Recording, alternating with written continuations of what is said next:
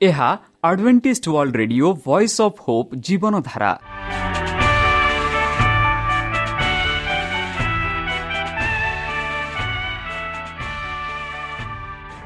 Odia radio କାର୍ଯ୍ୟକ୍ରମ ଯାହା ଆମର ଆନ୍ତର୍ଜାତୀୟ ଆଘାତ କେନ୍ଦ୍ରରୁ ପ୍ରସାରଣ କରାଯାଉଛି ପ୍ରତିଦିନ ରାତି ନଅଟା ତିରିଶ ମିନିଟ୍ରେ।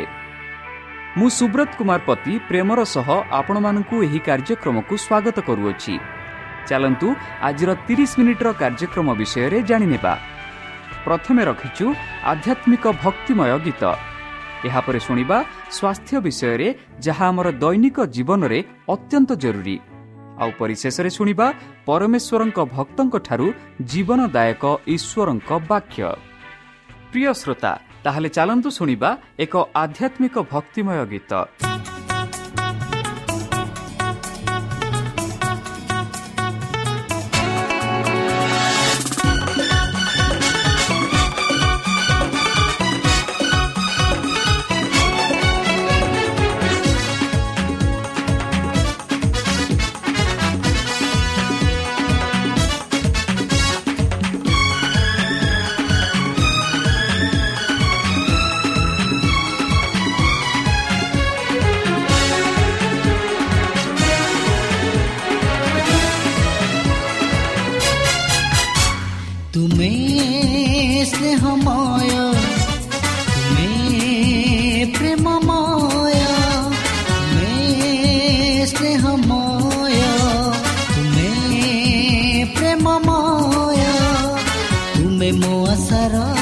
ଅଦେଖା କିରଣ ତୁମେ ମୋ ଆଶାର ଅଦେଖା କିରଣ ଜୀବନର ଅଲିଭା ଦୀପ। ତୁମେ ସ୍ନେହମୟ ତୁମେ ପ୍ରେମମୟ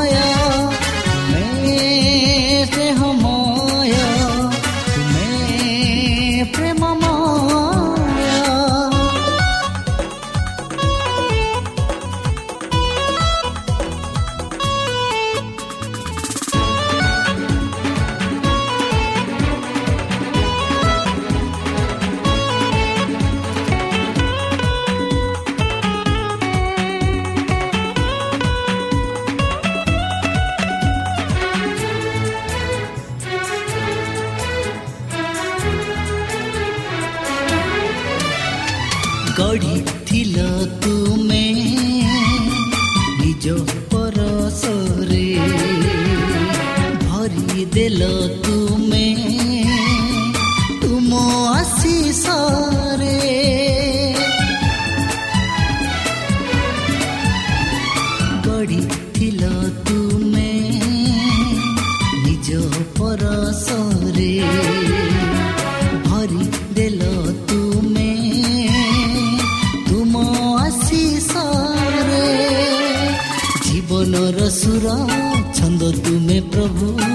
ଜୀବନର ସୁର ଛନ୍ଦ ତୁମେ ପ୍ରଭୁ ମଙ୍ଗଳାର ଅଳଙ୍କାର ତୁମେ ସ୍ନେହମୟ ତୁମେ ପ୍ରେମମୟ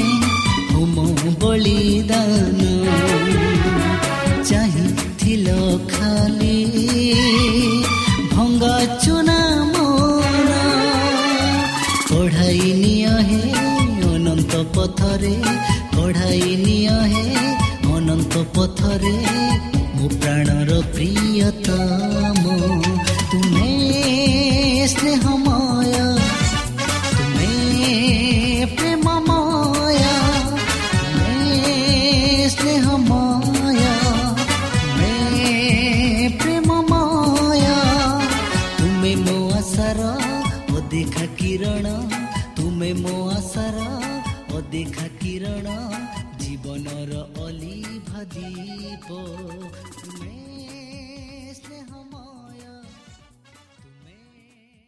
প্রিয় শ্রোতা আমি আশা କରୁଛୁ ଯେ ଆମର କାର୍ଯ୍ୟକ୍ରମ ଆପଣମାନଙ୍କୁ ପସନ୍ଦ ଲାଗୁଥିବ ଆପଣଙ୍କର ମତାମତ ଜଣାଇବା ପାଇଁ ଆମର ଏହି ଠିକଣାରେ ଯୋଗାଯୋଗ କରନ୍ତୁ ଆମ ଠିକଣା Adventist Media Centre SDA Mission Compound Salisbury Park Pune ଚାରି ଏକ ଏକ ଶୂନ ତିନି ସାତ ମହାରାଷ୍ଟ୍ର ବା ଖୋଲନ୍ତୁ ଆମର ୱେବସାଇଟ୍ ଯେକୌଣସି Android phone smartphone desktop laptop କିମ୍ବା ଟ୍ୟାବ୍ଲେଟ୍ ଆମର website W W W dot A W R dot O R G slash O R I ଏବଂ W W W dot Adventist Media Centre India dot O R G ବର୍ତ୍ତମାନ ଚାଲନ୍ତୁ ଶୁଣିବା ଈଶ୍ୱରଙ୍କ ଭକ୍ତଙ୍କଠାରୁ ଈଶ୍ୱରଙ୍କ ଜୀବନଦାୟକ ବାକ୍ୟ। ନମସ୍କାର ପ୍ରିୟ ଶ୍ରୋତା। ସେହି ସର୍ବଶକ୍ତି ସର୍ବଜ୍ଞାନୀ ପ୍ରେମର ସାଗର ଦୟାମୟ ଅନ୍ତର୍ଜମୀ ଅନୁଗ୍ରହ ପରମ ପିତାଙ୍କ ମଧୁର ନାମରେ ମୁଁ ପାଷ୍ଟ ପୂର୍ଣ୍ଣଚନ୍ଦ୍ର ଆଉ ଥରେ ଆପଣମାନଙ୍କୁ ଏହି କାର୍ଯ୍ୟକ୍ରମରେ ସ୍ୱାଗତ କରୁଅଛି। ସେହି ସର୍ବଶକ୍ତି ପରମେଶ୍ୱର ଆପଣମାନଙ୍କୁ ଆଶୀର୍ବାଦ କରନ୍ତୁ।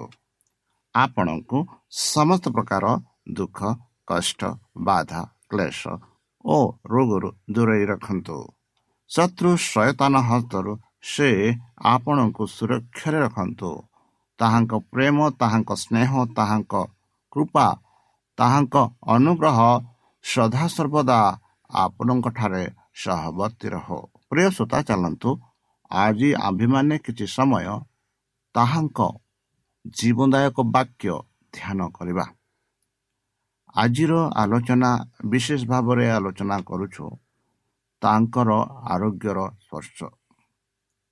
ଯେପରିକି ଏହି ସପ୍ତାହରେ ଆମେ ପ୍ରଭୁ ଯୀଶୁଙ୍କର ଆରୋଗ୍ୟ ବିଷୟରେ ତାଙ୍କ ସୁସ୍ଥ ବିଷୟରେ ଯେପରି ତାଙ୍କ ଜୀବନ ତାଙ୍କ କାର୍ଯ୍ୟ ବିଷୟରେ ଆମେ ଆଲୋଚନା କରୁଛେ ଆଜି ବିଶେଷ ଭାବରେ ଏଇ ଯେଉଁ ଦୁଇ ଦିନ ବିଶେଷ ଭାବରେ ଆମେ ଆଲୋଚନା କରିବା ତାଙ୍କ ଆରୋଗ୍ୟ ସ୍ୱସ୍ଥର ହସ୍ତ। ବନ୍ଧୁ ଯେପରି ଆମେ ମାଥ୍ୟୁ ପଇଁତିରିଶ ପଇଁତିରିଶରେ ପାଉଅଛୁ ସେଠି ଆମେ ପାଉଛୁ ଏବଂ ଯୀଶୁ ସମସ୍ତ ନଗର ଓ ଗ୍ରାମ ବୁଲିଲେ ସେମାନଙ୍କ ସମାଜ ଗୃହରେ ଶିକ୍ଷା ଦେଲେ ଏବଂ ରାଜ୍ୟର ସୁସମାଚାର ବା ସେହି ସ୍ୱର୍ଗ ରାଜ୍ୟର ସୁସମାଚାର ପ୍ରଚାର କଲେ ଏବଂ ଲୋକମାନଙ୍କ ମଧ୍ୟରେ ଥିବା ସମସ୍ତ ରୋଗ ଏବଂ ରୋଗକୁ ସୁସ୍ଥ କଲେ। ବନ୍ଧୁ ଯୀଶୁ ଖ୍ରୀଷ୍ଟ ଯେବେ ଏହି ପୃଥିବୀରେ ଥିଲେ ସେ କେବେ ହେଲେ ଏମିତି କିଛି କାମ ନ କରି ଘରେ ବସିନଥିଲେ ସେ ଗ୍ରାମ ଗ୍ରାମ ସହର ସହର ଗହଲି ଗହଲି ଗାଁ ଗାଁ ଭୁଲି ସେମାନଙ୍କ ସମାଜ ଗୃହରେ ଶିକ୍ଷା ଦେଉଥିଲେ। ସେମାନଙ୍କର ସବୁ ପ୍ରକାର ଦୁଃଖ କଷ୍ଟ ବୁଝୁଥିଲେ। ଆଉ ସେମାନଙ୍କୁ ସ୍ୱର୍ଗରାଜ୍ୟର ସୁସମାଚାର ସେ ସ୍ୱର୍ଗରାଜ୍ୟ ମାନେ ଯେଉଁ ସ୍ୱର୍ଗରେ ପରମେଶ୍ୱର ବାସ କରନ୍ତି ଯେଉଁ ସ୍ୱର୍ଗରୁ ଯୀଶୁଖ୍ରୀଷ୍ଟ ଆସୁଛନ୍ତି ଆଉ ଯେଉଁ ସ୍ୱର୍ଗରେ ପବିତ୍ର ଆତ୍ମା ବାସ କରନ୍ତି ଆଉ ଯେଉଁ ସ୍ୱର୍ଗରେ ଦୂତମାନେ ବାସ କରନ୍ତି ସେହି ସ୍ୱର୍ଗ ବିଷୟରେ ପ୍ରଚାର କରୁଥିଲେ। ଆଉ ତା ବାଦେ ସେ ଲୋକମାନଙ୍କ ମଧ୍ୟରେ ଥିବା ସମସ୍ତ ରୋଗ ସମସ୍ତ ରୋଗ ମାନେ ସେହି ସମୟରେ ଯେଉଁ ରୋଗ ଗୁଡ଼ାକ ପରିଚିତ ଥିଲା ସେହି ରୋଗ ଗୁଡ଼ାକ ଏବଂ ରୋଗକୁ ସୁସ୍ଥ କରୁଥିଲେ ବୋଲି ଆମେ ଦେଖୁଛୁ। ବିଶେଷ ଭାବରେ ଯଦି ଆମେ ଦେଖିବା ବାଇବଲରେ ଅଧିକାଂଶ ଆମେ ଦେଖୁଅଛୁ କୁଷ୍ଠ ରୋଗ ଆଉ କୁଷ୍ଠ ରୋଗ ଯାହାକି ବର୍ତ୍ତମାନ ବି ଅଛି ଆଉ ବର୍ତ୍ତମାନ ଯଦି ସେଇ କୁଷ୍ଠ ରୋଗକୁ ପ୍ରାରମ୍ଭରେ ଯଦି ଚିକିତ୍ସା କରାଯିବ ସେ ଭଲ ହେଇପାରିବ ଆଉ ସେତେବେଳେ ଲୋକମାନେ ବି ଭାବୁଥିଲେ କି କୁଷ୍ଠ ରୋଗ ହେଉଛି ଈଶ୍ୱରଙ୍କର ଅବିଶ୍ରାପ। ଆଉ ସେଇ ଯେଉଁ କୁଷ୍ଠ ରୋଗକୁ ମଧ୍ୟ ଯୀଶୁ ଖ୍ରୀଷ୍ଟ ଭଲ କରୁଥିଲେ ବୋଲି ଆମେ ଦେଖୁଅଛୁ। ଯେପରି ଯୀଶୁ ଭୂମିରୁ ମାଟିରୁ ଆଦମ ସୃଷ୍ଟି କରିବା ପାଇଁ ନିଜ ହାତ ବ୍ୟବହାର କଲେ ଯାହା ଆମେ ଆଦି ପୁସ୍ତକ ପ୍ରଥମ ଅଧ୍ୟାୟରେ ଦେଖୁଅଛୁ। ସେ ଅନେକ ସମୟରେ ଯନ୍ତ୍ରଣା ଉପରେ ହାତ ରଖି ସୁସ୍ଥ କରୁଥିଲେ। ସେ ଆମକୁ ସ୍ପର୍ଶ କରିବାର ଆବଶ୍ୟକତା ବୁଝୁଥିଲେ ବନ୍ଧୁ। ଯେତେବେଳେ ସେ ସୁସ୍ଥ ଥିବା ଲୋକଙ୍କୁ ଶାରୀରିକ ଭାବରେ ସ୍ପର୍ଶ କରିନଥିଲେ ସେ ସର୍ବଦା ଆତ୍ମାକୁ ସ୍ପର୍ଶ କରୁଥିଲେ ବନ୍ଧୁ। ସେହି ଆରୋଗ୍ୟ ସ୍ପର୍ଶକୁ ବିସ୍ତାର କରିବାକୁ ସେ ଆମକୁ ଆମନ୍ତ୍ରଣ କରନ୍ତି ବନ୍ଧୁ। ଯୀଶୁ ଚରମ ବାସ୍ତବଦିତି ଥିଲେ। ଯଦିଓ ସେ ପ୍ରଚୁର ଜୀବନ ଏବଂ ଆଜ୍ଞାର ଆଶୀର୍ବାଦ ବିଷୟରେ କହିଥିଲେ ସେ ବିରୋଧ ଦୁଃଖିତ କଦାପି କମ୍ କରିନଥିଲେ ଏବଂ ପ୍ରତ୍ୟେକ ବିଶ୍ୱାସୀଙ୍କୁ ଯନ୍ତ୍ରଣା ଭୋଗିବାକୁ ପଡ଼ିବ ବନ୍ଧୁ। ମୃତ୍ୟୁର କିଛି ସମୟ ପୂର୍ବରୁ ଯୀଶୁ ନିଜ ଶିଶୁମାନଙ୍କୁ ଆଗାମୀ ରାସ୍ତା ବିଷୟରେ ମନେ ପକାଇଲେ। ଆଗାମୀ କାର୍ଯ୍ୟ ବିଷୟରେ ମନେ ପକାଇଲେ। ଆଗାମୀ ଯାହା ଘଟୁଅଛି ସେହି ବିଷୟରେ ସେମାନେ ସେମାନଙ୍କୁ ମନେ ପକାଇଲେ। ସେ ଜାଣିଥିଲେ ବାଧାବିଘ୍ନର ସମ୍ମୁଖୀନ ହେବେ? ଏହା ହେବ ବୋଲି ସେ ଜାଣିଥିଲେ। ଆଉ ହେବ ବୋଲି ଜାଣିଥିଲେ ସେ ଯୋଗୁଁ ସେମାନଙ୍କୁ ବୁଝେଇ କହିଲେ। ସେ କହିଲେ ମୁଁ ତୁମକୁ ଏସବୁ କହୁଅଛି।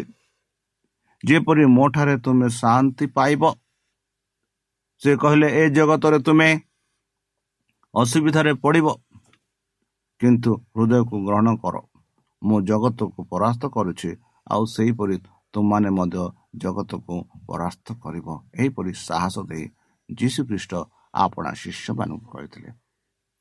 ବନ୍ଧୁ ଯୀଶୁଙ୍କ ଚେତାବନୀ ଶବ୍ଦ ଗୁଡ଼ିକ ପ୍ରତିଜ୍ଞା ଉପରେ ଆଧାରିତ ଥିଲା। ଯେ ସେ ପବିତ୍ର ଆତ୍ମାଙ୍କୁ ବିସ୍ତାରୀୟ ନିଶ୍ଚତତା ଏବଂ ଶକ୍ତି ଉଚ୍ଚ ଭାବରେ ପଠାଇବ ବୋଲି ସେ କହିଲେ ଯେ କି ସେ ଆମମାନଙ୍କୁ ସାହାଯ୍ୟ କରିବ। ଏହିପରି ମାଥ୍ୟ ତାର ଚଉଦ ପଞ୍ଚତିରିଶ ଛତ୍ରରେ ଆମେ ପାଉଅଛୁ। ଅନେକ ଥର ସୁସମାଚାର ପ୍ରକାଶ କରେ ଯେ ଯୀଶୁ ଆରୋଗ୍ୟ ପ୍ରକ୍ରିୟାର ଏକ ଅଂଶ ଭାବରେ ଲୋକଙ୍କୁ ଶାରୀରିକ ଭାବରେ ସ୍ପର୍ଶ କରୁଥିଲେ। ତାଙ୍କର ଆରୋଗ୍ୟ ସ୍ପର୍ଶ ଏକ ପ୍ରତିଷ୍ଠିତ ଘଟଣା ହୋଇଥିଲା ବା ଘଟଣା ହୋଇଗଲା।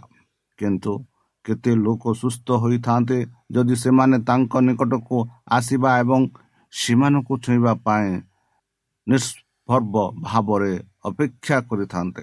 ବନ୍ଧୁ ଆରୋଗ୍ୟ ପାଇଁ ହତାଶ ହୋଇ ଜନସମାଗମ ଆରୋଗ୍ୟ ସମ୍ପର୍କ ସ୍ଥାପନ ପାଇଁ ପଦପେକ୍ଷ ନେଇଥିଲା। ଲୋକମାନେ ସେମାନଙ୍କର ସମସ୍ତ ରୋଗୀଙ୍କୁ ତାଙ୍କ ନିକଟକୁ ଆଣି ଅନୁରୋଧ କଲେ ବନ୍ଧୁ ଯେ ରୋଗୀମାନଙ୍କୁ ତାଙ୍କ ବସ୍ତ୍ରର ଧରକୁ ଛୁଇଁବାକୁ ଦିଅନ୍ତୁ ଏବଂ ତାଙ୍କୁ ଛୁଇଁଥିବା ସମସ୍ତେ ସୁସ୍ଥ ହୋଇଗଲେ ବନ୍ଧୁ। ଯାହା ଆମେ ମାଥ୍ୟ ଚଉଦ ପଞ୍ଚତିରିଶ ଟୁ ଛତିଶରେ ଏହିପରି ଲେଖାଥିବା ଆମେ ଦେଖୁଅଛୁ। ବନ୍ଧୁ ଜାକୁବ ପାଞ୍ଚ ଚଉଦ ପନ୍ଦରରେ କେଉଁ ପରିସ୍ଥିତିରେ ପ୍ରଭୁ ଆଜି ଚମତ୍କାର ଆରୋଗ୍ୟ ପ୍ରତିଜ୍ଞା କରନ୍ତି ବୋଲି ପ୍ରଶ୍ନ ପଚାରି ଯାଉଛି? ବ୍ରାଡ ଗୋଟିଏ ବର୍ଷ ବୟସରେ ଥିଲେ ବନ୍ଧୁ ଏବଂ ଏକ ଡାକ୍ତରଖାନାରେ ଜରୁରୀକାଳୀନ ବିଭାଗରେ ପଞ୍ଜୀକୃତ ନର୍ସ ଭାବରେ କାର୍ଯ୍ୟ କରୁଥିଲେ।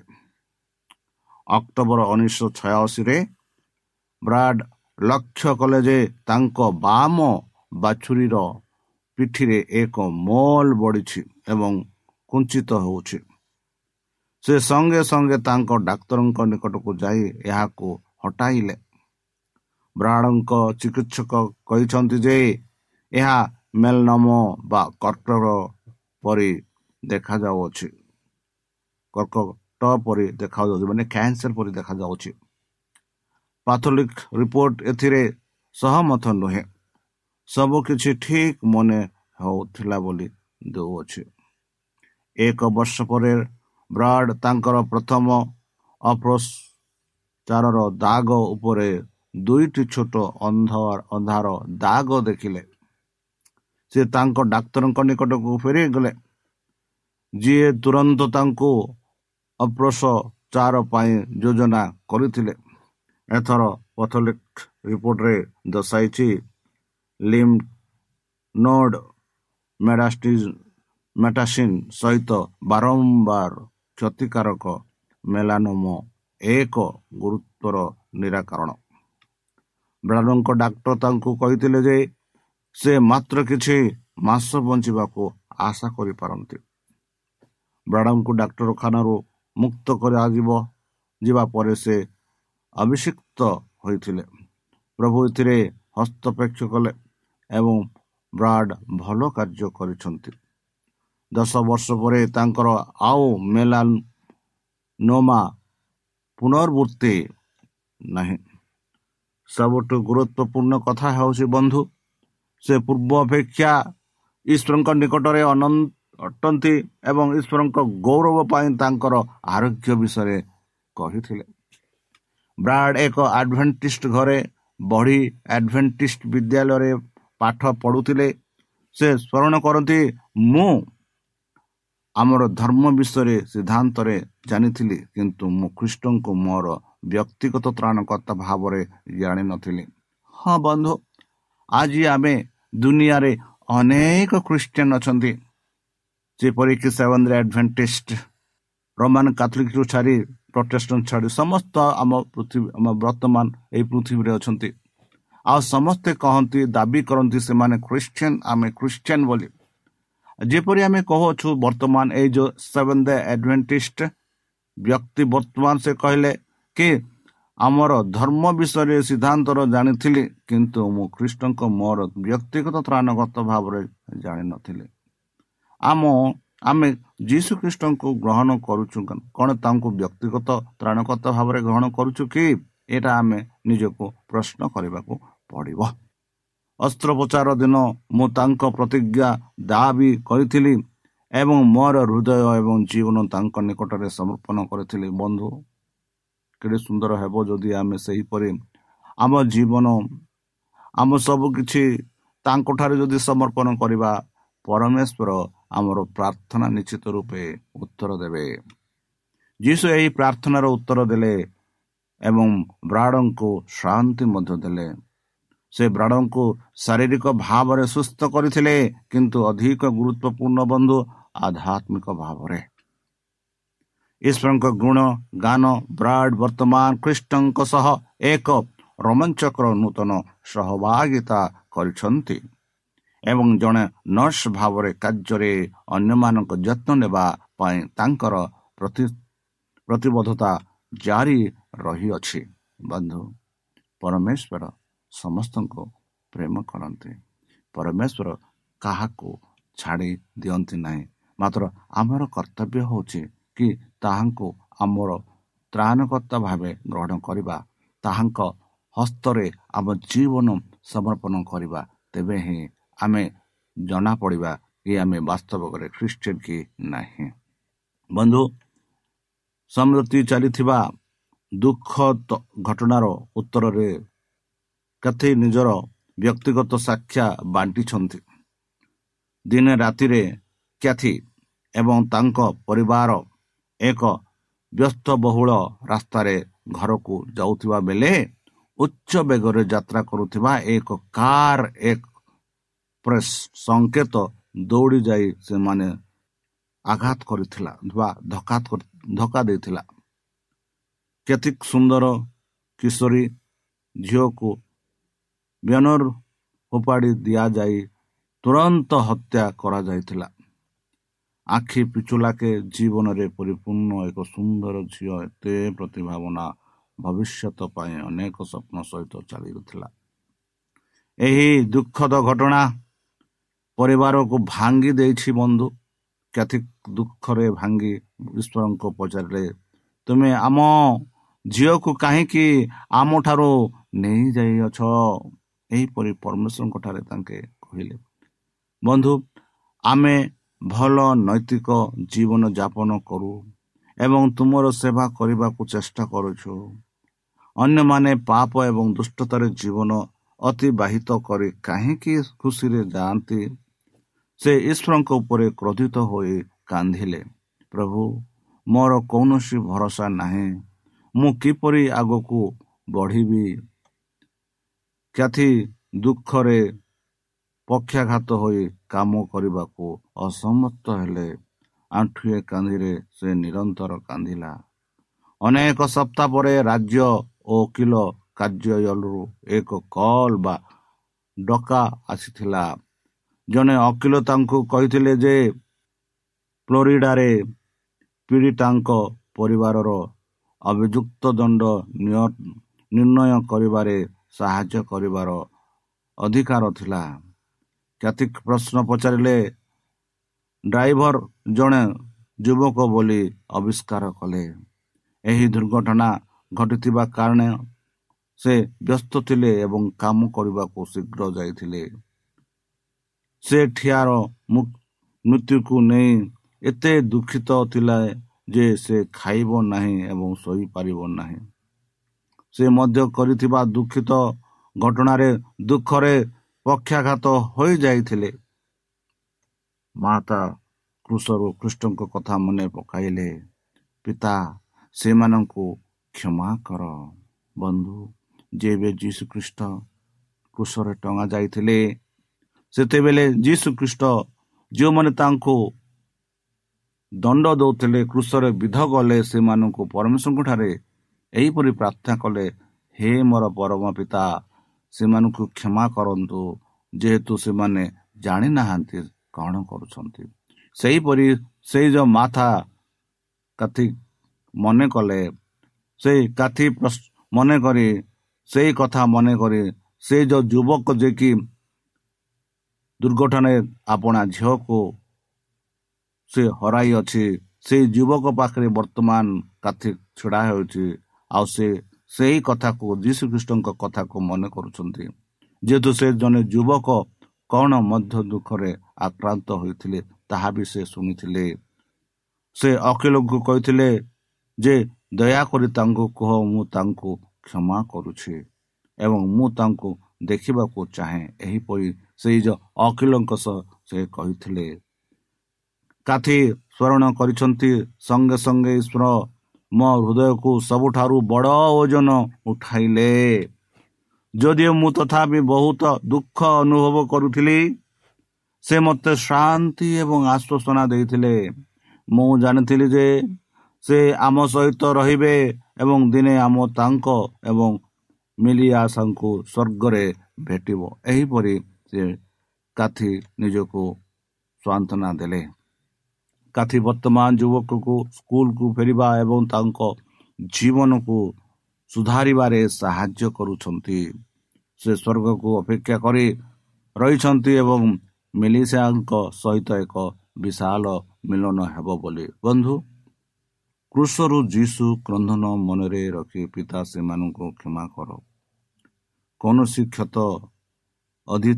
ଅତ୍ୟଧିକ ମହାନ ଅତ୍ୟଧିକ ଗଭୀର ଅତ୍ୟଧିକ କ୍ଷତିକାରକ ନୁହେଁ ଯେ ଏହା ଈଶ୍ୱରଙ୍କ ଆତ୍ମା ଦ୍ୱାରା ସୁସ୍ଥ ହୋଇପାରିବ ନାହିଁ। ଯେଉଁମାନେ ବିଶ୍ୱାସ କରନ୍ତି ଏବଂ ମାନନ୍ତି ସେମାନଙ୍କ ପାଇଁ ଆରୋଗ୍ୟ ହୋଇଥାଏ। ବନ୍ଧୁ ଯେହେତୁ ଯୀଶୁଙ୍କ ବ୍ୟକ୍ତିଗତ ଯନ୍ତ୍ରଣା ଏତେ ଚରମ ଥିଲା ଆମେ ନିଶ୍ଚିତ ହୋଇପାରିବା ଯେ ସେ ଆମ ଦୁଃଖରେ ଆମ ସହାନୁଭୂତି ଦେଖନ୍ତି। ଯେହେତୁ ଯେତେ ହୃଦୟ ଦିବାରକ ହେଉନା କାହିଁକି ବନ୍ଧୁ? ସେ ଆମ ସହିତ ରହିବ। ଏକ ଦୟାଲୁ ସ୍ପର୍ଶର ଆରୋଗ୍ୟ ଶକ୍ତି ଯାହାର ଆମେ ଗତ ସପ୍ତାହରେ ଅଧ୍ୟୟନ କରୁଥିଲୁ। ସମସ୍ତ ଲୋକ କୁଷ୍ଠରୋଗୀଙ୍କ ସହିତ ଯୀଶୁଙ୍କ ଅଭିଜ୍ଞାରେ ସମ୍ପୂର୍ଣ୍ଣ ଭାବରେ ଉଦାହରଣ ଦିଆଯାଇଅଛି। ଦୟାରେ ପରିପୂର୍ଣ୍ଣ ହୋଇ ଯୀଶୁ ତାଙ୍କ ହାତ ବଢ଼ାଇ ସେହି ବ୍ୟକ୍ତିଙ୍କୁ ଛୁଇଁଲେ। ତାପରେ ସେ ସେହି ବାକ୍ୟ ଗୁଡ଼ିକ କହିଲେ ପରିଷ୍କାର ହୁଅ ଏବଂ ତତ୍କ୍ଷଣତ୍ କୁଷ୍ଠରୋଗ କେବଳ ପ୍ରତ୍ୟାଖ୍ୟାନ ଏବଂ ବିଚ୍ଛନାରେ ଅତୀତର ଏକ ସ୍ମରଣୀୟ ସ୍ମୃତି ହୋଇଗଲା। ବନ୍ଧୁ ଯେତେବେଳେ ନାଜି ଜର୍ମାନୀ ହୋଲାଣ୍ଡର ଦଖଲ ହେଲା ହୋଲାଣ୍ଡର ପ୍ରଥମ ମହିଳା ଘଣ୍ଟା ନିର୍ମାତା କରି ବୁମ୍ ହୋଇବା ହୋଲ୍ ହୋଲକୋଷ୍ଟରୁ ପଳାୟନ କରୁଥିବା ଜୁହୁଦୀମାନଙ୍କ ପାଇଁ ୱାବ୍ ଦୋକାନ ଉପରେ ନିଜ ଘରକୁ ପରିଣତ କଲେ। ବନ୍ଧୁ ଫେବୃଆରୀ ଉଣେଇଶହ ଚଉରାଅଶୀରେ ଗେଷ୍ଟାପୋସ୍ ସେମାନଙ୍କୁ ଧରିଲେ କୌରୀ ତାଙ୍କ ଭଉଣୀ ବେଟି ଏବଂ ସେମାନଙ୍କ ଈଶ୍ୱରୀୟ ଚଉରାଅଶୀ ବୟସ ପିତାଙ୍କୁ ଷ୍ଟାବିଂ ଜେଲରୁ ନିଆଯାଇଥିଲା। କୋରିଙ୍କୁ ଏକାକୀ ବନ୍ଦିଶାଳରେ ରଖାଯାଇଥିଲା। ପିଲାଦିନରୁ ତାଙ୍କ ସବୁଠାରୁ ଯନ୍ତ୍ରଣାଦାୟକ ଭୟ ଏକାକୀ ରହିବାର ଭୟ ଥିଲା। ଲୋକଙ୍କ ଠାରୁ ଦୂରେଇ ଯାଇଥିଲା। ବର୍ତ୍ତମାନ ସେ ଏକୁଟିଆ ଥିଲେ ଅସ୍ତୁତ ଥିଲେ ଏବଂ ଅନ୍ୟମାନଙ୍କ ସହ କଥା ହେବାକୁ ବାରଣ କରିଥିଲେ। ସେ ଈଶ୍ୱରଙ୍କ ନିକଟରେ ପ୍ରାର୍ଥନା କରି ପଚାରିଲେ ଏହା କାହିଁକି ଘଟୁଅଛି ବନ୍ଧୁ? ପରମେଶ୍ୱର ଆମମାନଙ୍କ ସହ ସଦାସର୍ବଦା ରହିଅଛନ୍ତି। ଯଦି ଆମେ ତାଙ୍କଠାରେ ନିଜ ଜୀବନ ସମର୍ପଣ କରିବା ସେ ନିଶ୍ଚିତ ରୂପେ ଆମମାନଙ୍କ ସବୁକିଛି ସାହାଯ୍ୟ କରିବେ ଆମମାନଙ୍କ ପ୍ରାର୍ଥନା ଶୁଣିବେ। ବନ୍ଧୁ ଚାଲନ୍ତୁ ନିଜ ଆତ୍ମା ନିଜ ଜୀବନ ସେହି ସଦାପ୍ରଭୁଙ୍କ ହସ୍ତରେ ସମର୍ପଣ କରି ତାହାଙ୍କ ମଧ୍ୟରୁ ନାମରେ ପ୍ରାର୍ଥନା ଉଚ୍ଚାରଣ କରିବା। ହେ ଆମ୍ଭମାନଙ୍କ ସର୍ବଶକ୍ତି ସର୍ବଜ୍ଞାନୀ ପ୍ରେମର ସାଗର ଦୟାମୟ ଅନ୍ତର୍ଜମୀ ଅନୁଗ୍ରହ ପିତା ଧନ୍ୟବାଦ ଅର୍ପଣ କରୁଅଛୁ ପ୍ରଭୁ ବର୍ତ୍ତମାନ ଯେଉଁ ବାକ୍ୟ ମୁଁ ସେହି ଭକ୍ତମାନଙ୍କୁ ଶୁଣାଇଅଛି ସେହି ବାକ୍ୟ ଅନୁସାରେ ଏମାନଙ୍କୁ ଚାଲିବା ପାଇଁ ବୁଦ୍ଧିରେ ଜ୍ଞାନରେ ଶକ୍ତିରେ କର। ଆମମାନଙ୍କୁ ସୁସ୍ଥ ଜୀବନ ରହିବା ପାଇଁ ସେହି ଆଶିଷରେ ଭରାଇ ଦିଅ। ଆମ ପାପ ସବୁ ତୁମ ସେହି ବହୁମୂଲ୍ୟ ରକ୍ତରେ ପରିଷ୍କାର ରୂପେ ଧୋଇ ଦିଅ। ଆଉ ଯେବେ ତୁମେ ତୁମ ସେହି ଦୂତଙ୍କ ସହ ଆସିବେ ସେତେବେଳେ ଆମମାନଙ୍କୁ ଏକ ବାସସ୍ଥାନ ଦେବ ବୋଲି ତ୍ରାଣକର୍ତ୍ତା ପ୍ରଭୁ ଯୀଶୁଙ୍କ ମଧୁରମୟ ନାମରେ ଏହି ଛୋଟ ବିକ୍ଷମା ଗଛ ତୁମେ ଗ୍ରହଣ କର। ପ୍ରିୟ ଶ୍ରୋତା ଆମେ ଆଶା କରୁଛୁ ଯେ ଆମର କାର୍ଯ୍ୟକ୍ରମ ଆପଣମାନଙ୍କୁ ପସନ୍ଦ ଲାଗୁଥିବ। ଆପଣଙ୍କର ମତାମତ ଜଣାଇବା ପାଇଁ ଆମର ଏହି ଠିକଣାରେ ଯୋଗାଯୋଗ କରନ୍ତୁ। ଆମ ଠିକଣା Adventist Media Centre SDA Mission Compound Salisbury Park Pune ଚାରି ଏକ ଏକ ଶୂନ ତିନି ସାତ ମହାରାଷ୍ଟ୍ର ବା ଖୋଲନ୍ତୁ ଆମର ୱେବସାଇଟ୍ ଯେକୌଣସି Android phone smartphone desktop laptop କିମ୍ବା ଟ୍ୟାବ୍ଲେଟ୍ ଆମର website W W W dot A W R dot O R G slash O R I ଏବଂ W W W dot Adventist Media Centre India dot O R G Adventist Media Centre ଇଣ୍ଡିଆର spelling ହେଉଛି A D V E N T I S T M E D I A C E N T R E I N D I A ଅଥବା download କରନ୍ତୁ ଆମର mobile app ଆପଣଙ୍କର mobile play ଷ୍ଟୋରକୁ ଯାଆନ୍ତୁ ଆଉ type କରନ୍ତୁ the Voice of Hope ଆଉ download କରନ୍ତୁ ଈଶ୍ୱର ଆପଣଙ୍କୁ ଆଶୀର୍ବାଦ କରନ୍ତୁ ଧନ୍ୟବାଦ